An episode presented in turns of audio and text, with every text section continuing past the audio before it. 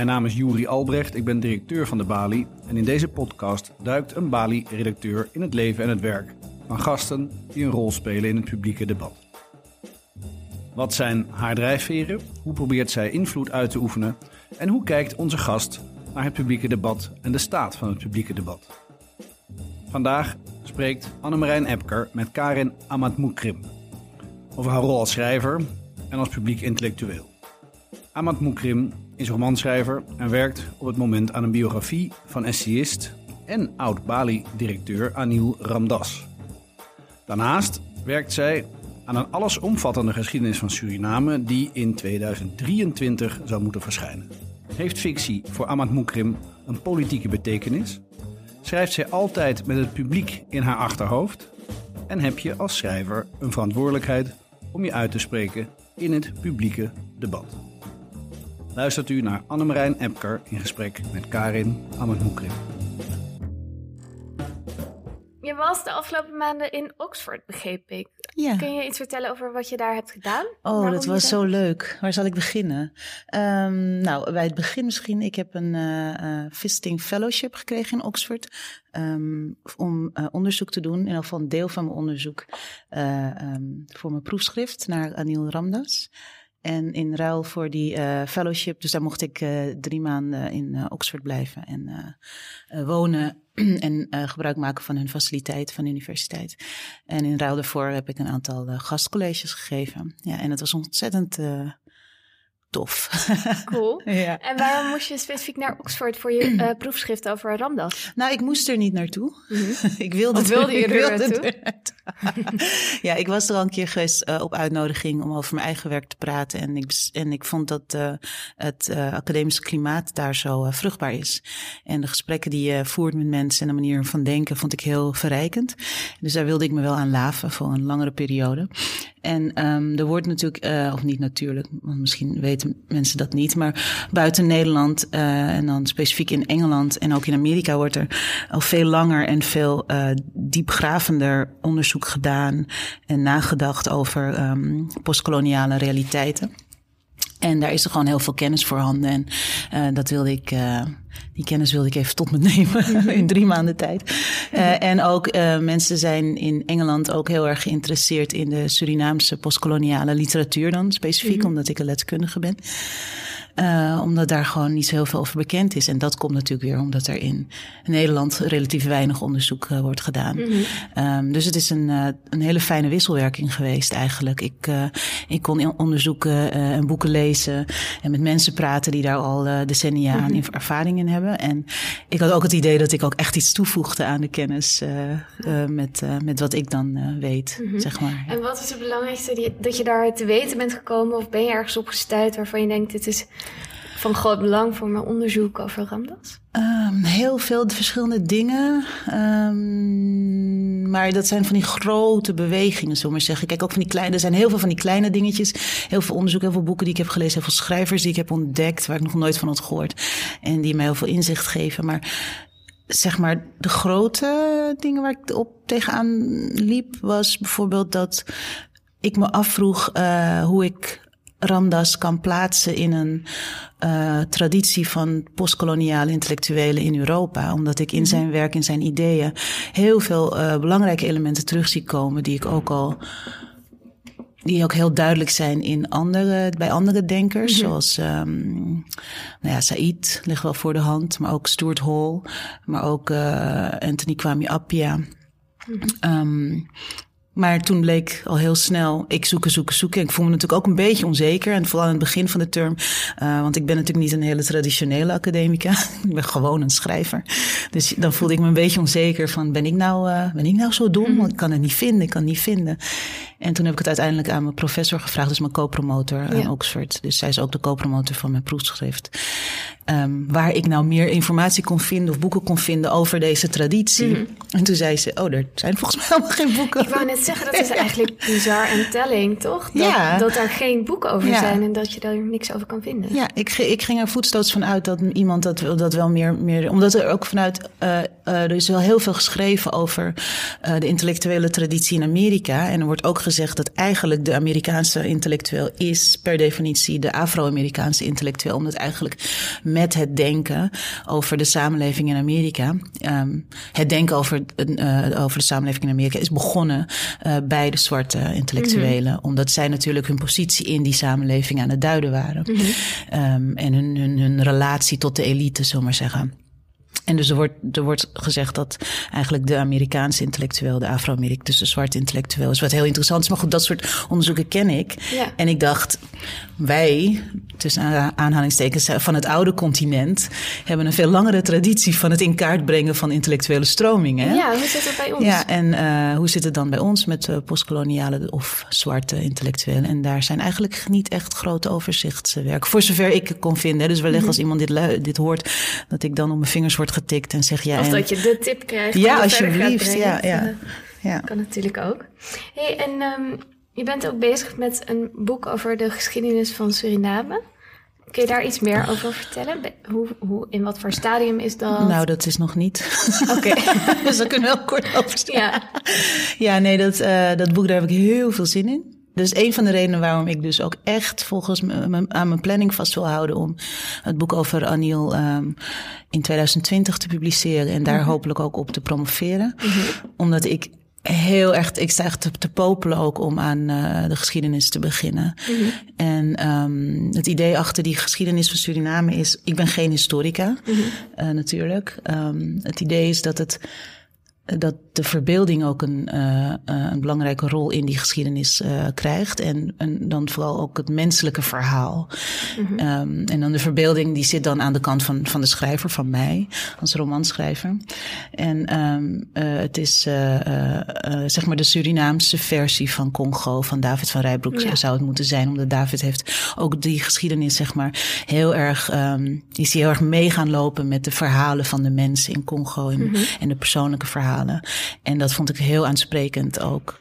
En ook vond ik het heel logisch om een Surinaamse geschiedenis op die manier te vertellen. Omdat de geschiedenis van Suriname leeft heel erg. En iedereen die van Suriname is, weet dit.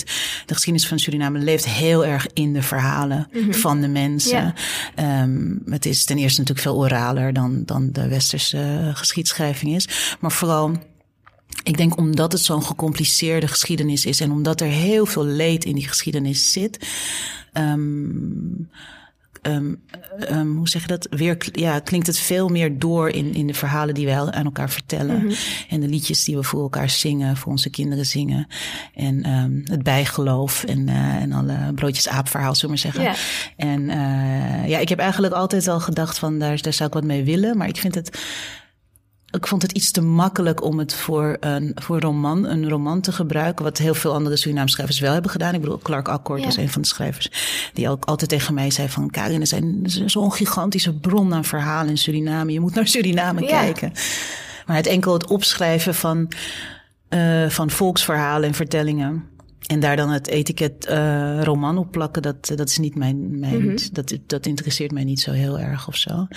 En dit is meer. Uh, dus dit wordt non-fictie? Dit wordt non-fictie, ja, non-fictie. En dan toch met dat gevoel hoop ik uh, dat je meekijkt in de geschiedenis langs menselijke lijnen. Dat je langs menselijke lijnen terug de tijd in kijkt.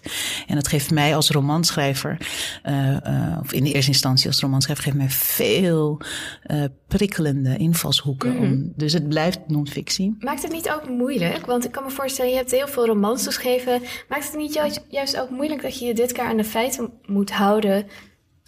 Voor zover je die kan terugvinden. Nou, misschien. Dat, dat, dat we, kijk, mijn hele houding is altijd, dat zien we dan wel. maar je, je, eerste reactie op een, uh, op een project, want dit is, dit is een project wat mij is aangeboden, um, dan uh, je eerste reactie daarop is, is eigenlijk leidend. En ik was razend enthousiast en ik vroeg me af van waarom ben ik daar zelf niet op gekomen? Weet je? Ik bedoel, ik ben toch wel echt degene die dit boek uh, moet schrijven. Ik dacht eigenlijk ook dat het jouw idee was, omdat je dat boek hebt geschreven over Anton de Kom. Ja? En hij uh, het boek Wij Slaven van Suriname ja. schreef. Wat ook ja. al gezien werd als een van de eerste uh, uh, boeken die het, het, verhaal van Suriname vanuit een ander perspectief ja. vertelt. Dus ik dacht heel erg, het past heel erg in jouw werk en carrière. Ja, nee. Gelukkig denken er mensen met me, met me mee. want anders Ja, en nu zit je met een enorm project Ik zit nu met uh, ik zit de komende vijf jaar af moet zijn. de komende paar jaar wel echt bezig. Het zijn gigantische klussen, maar het zijn ook uh, hele toffe, toffe boeken. Ik ben ongelooflijk enthousiast en ja, op het gevaar af om als een, als een zweefkees te klinken. Ik, elke dag ben ik en dat, dit is al echt al anderhalf jaar zo. Ik ben al elke dag zo blij als ik wakker word. Dat, ik, dat je dit mag gaan doen. Dat ik dit mag doen, ja. ja want ik ben over beide projecten ontzettend enthousiast. En um, ik vermoed misschien wel dat er op een gegeven moment dat ik uh, de fictie ga missen. Maar dat, dat mm -hmm. nogmaals, dat zien we dan ook wel. Uh, ik, dit jaar schrijf ik trouwens. Uh, oh nee, dat mag ik nog helemaal niet vertellen. Sorry, rewind. Jammer. ja, nee. Wat spannend. Nou, wat Boekenweek geschenk. Nee, nee, nee, was dat maar waar. Dat, daarvoor, dat belletje verwacht ik wel voor een paar jaar. Ja, uh, CPNB zeggen, dat trouwens. Wel, dat werd kort tijd, door. toch? Ja. Hmm, spannend. Um,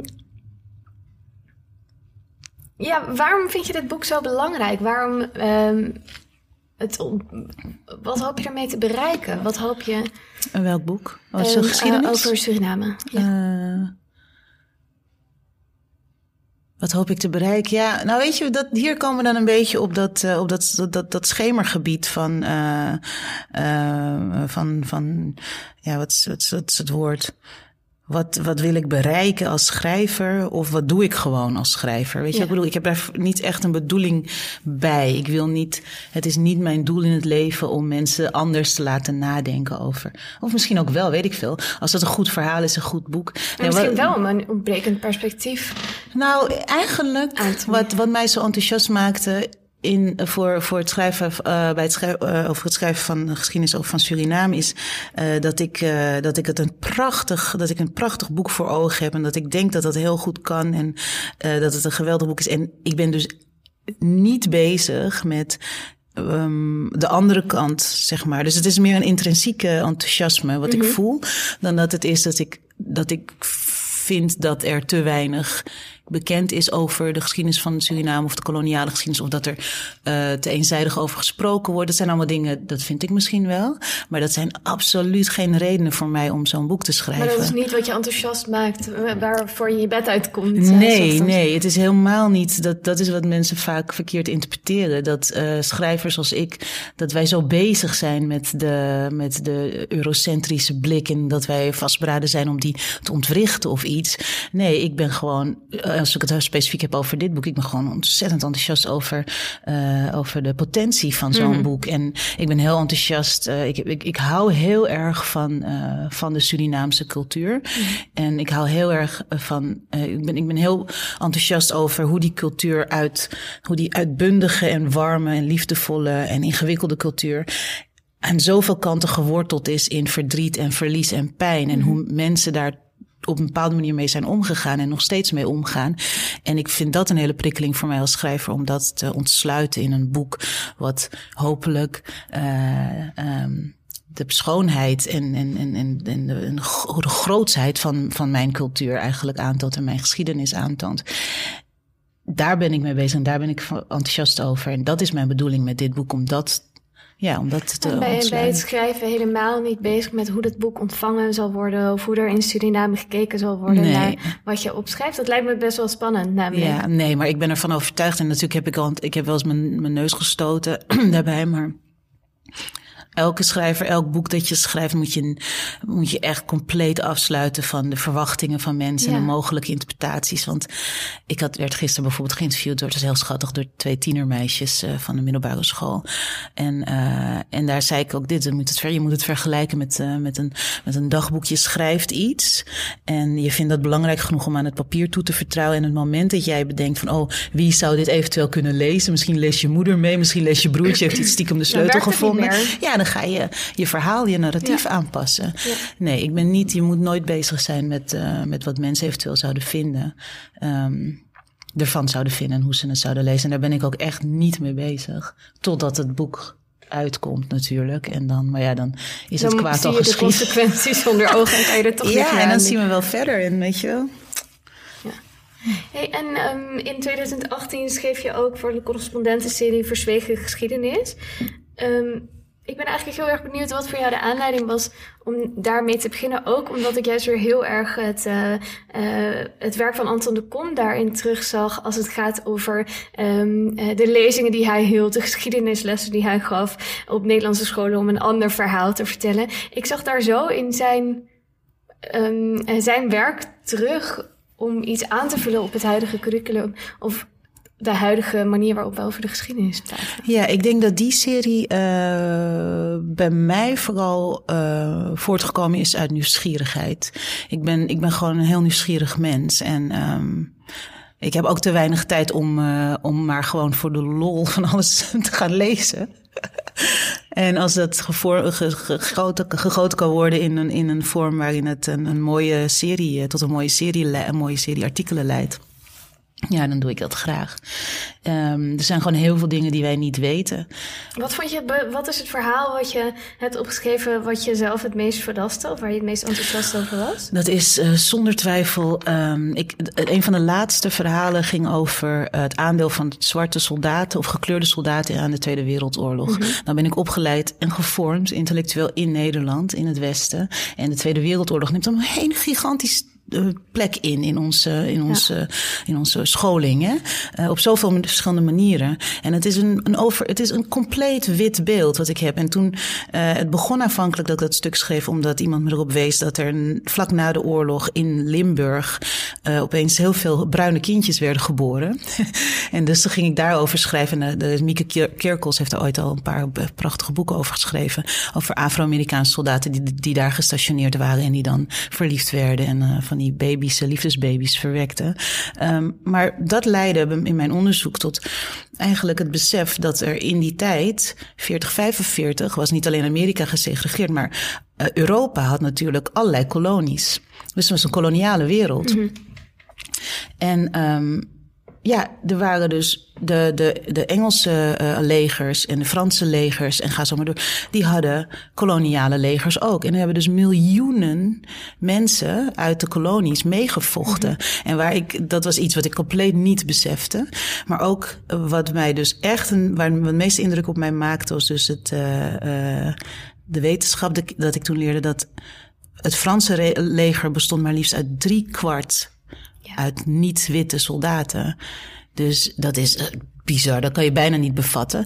En, en toen kwam ik dus uh, een aantal onderzoeken op het spoor die dus uitwezen dat uh, het moment dat Parijs bijna bevrijd ging worden, dat het echt aanstaande was, dat er van bovenaf werd gezegd van oké, de legers, de delen van ons leger die Parijs nu terugpakken, mogen expliciet niet geen gekleurde mensen hebben. En toen hebben ze met heel veel moeite in oorlogstijd notabene een kunstmatig samengesteld regime Want de overwinning moest van de witte ja, mens komen. Ja, het moest specifiek de witte soldaat zijn. En je kan je voorstellen dat als je, je, je voltallige leger maar voor 25% uit witte mensen bestaat, witte mannen bestaat, hoe moeilijk het is.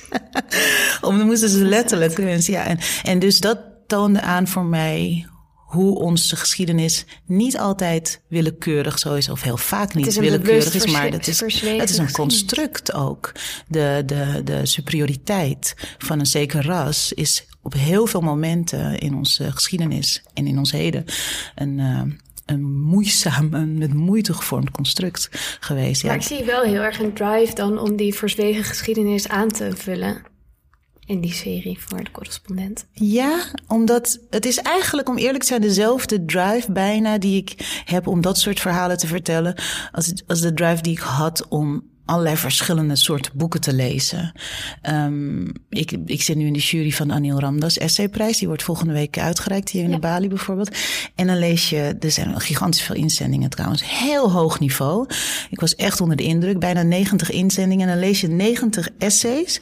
En die gaan natuurlijk alle kanten op. Die gaan, die, en ook alle leeftijden. We lezen ze trouwens uh, geanonimiseerd. Dus ik weet niet wie, wie die schrijvers zijn. En het is dezelfde ik heb hetzelfde gevoel daarbij. Er is zo weinig wat ik weet. Bijvoorbeeld, iemand schreef een essay over hoe ontheemd hij of zij zich voelde nadat die kwam dan uit de DDR. En uh, het gevoel van je, je, je thuis is compleet weg en het komt nooit meer terug. Want het mhm. was toen op die manier zo, omdat de politiek dus het, dat deel van de wereld op die manier gevormd mhm. heeft. En daarna is het verdwenen. Nou, dat soort dingen vind ik prachtig om te lezen. Het is heel tragisch, heel schrijnend natuurlijk, maar het is prachtig omdat het mij een inzicht geeft uh, wat ik nog niet eerder had gehad. En dat kan gaan over Zeeland en het kan gaan over, over, over de DDR. Maar het kan ook gaan over wat waar we nu over hebben met verzwegen geschiedenis. Um, en dat is wel iets wat ik soms mensen kwalijk neem, als in de grote de overheersende cultuur, of hoe zou je het zeggen, de, de, de dominante groep, mhm. is dat er zo, dat mensen zo weinig nieuwsgierig zijn naar andere inzichten. Dat ik denk, wacht eens even, ik ben zo opgeleid binnen dit Nederlandse schoolsysteem, onderwijssysteem, om, nieuwsgierig, te zijn. Toch om alles in twijfel te trekken van, wacht eens, je vertelt mij dit verhaal in dit boek. Maar is dat wel het complete verhaal? Zo ben ik onderwezen. En ik merk wel hoe ouder ik word, dat, um, dat die nieuwsgierigheid toch zijn grenzen kent bij grote delen van onze mhm. samenleving. En Kent dat... u bij jezelf ook wel eens grenzen? Is er wel eens iets waar, waar je bewust niet over schrijft of waar je niet over uitspreekt, omdat je denkt. Nou, dat is niet dat er grens is, maar dat ik denk van dit verhaal heb ik wel vaker gehoord. Oké, ja. dit perspectief kennen we nou wel. Ja, ja daar dus ben ik dan niet zo op zoek naar nieuwe perspectieven en nieuwe ja, verhalen. Zeker. Um, om, uh, om af te sluiten, wil ik eigenlijk je een aantal tips vragen. Oh. Ehm, wie, welke schrijvers, welke auteurs, welke essayisten in Nederland moeten we in de gaten houden? Oh jezus, je overvalt me. nou, ik vind, uh, uh, ik kijk zelf heel erg uit naar het, uh, de, naar de debuut van Clarice Gargard. Mm -hmm. um, die vind ik interessant. En ik begeleid nu een jongen. Weet je waar het over gaat, haar debuut? Uh, ja, maar ze heeft natuurlijk een documentaire ook. Uh, ja, oh, over haar vader. Ja, volgens mij gaat haar debuut ook over haar vader. Maar ik oh, vind haar een hele, hele frisse schrijver, -hmm. uh, um, columnist ook. Dus ik ben heel benieuwd daarnaar. En ik begeleid nu een aantal jonge mensen vanuit die naar mij toe zijn gekomen vanuit het Letterenfonds. -hmm. En daar ben ik ook heel benieuwd naar. En ik vind het zo, zo ongelooflijk leuk dat ze mij hebben gevraagd om ze te begeleiden. En dat zijn startende schrijvers. Dat zijn startende schrijvers, ja. ja. En dat vind ik ontzettend leuk. En, en er waren een paar inzendingen bij de SC-prijs.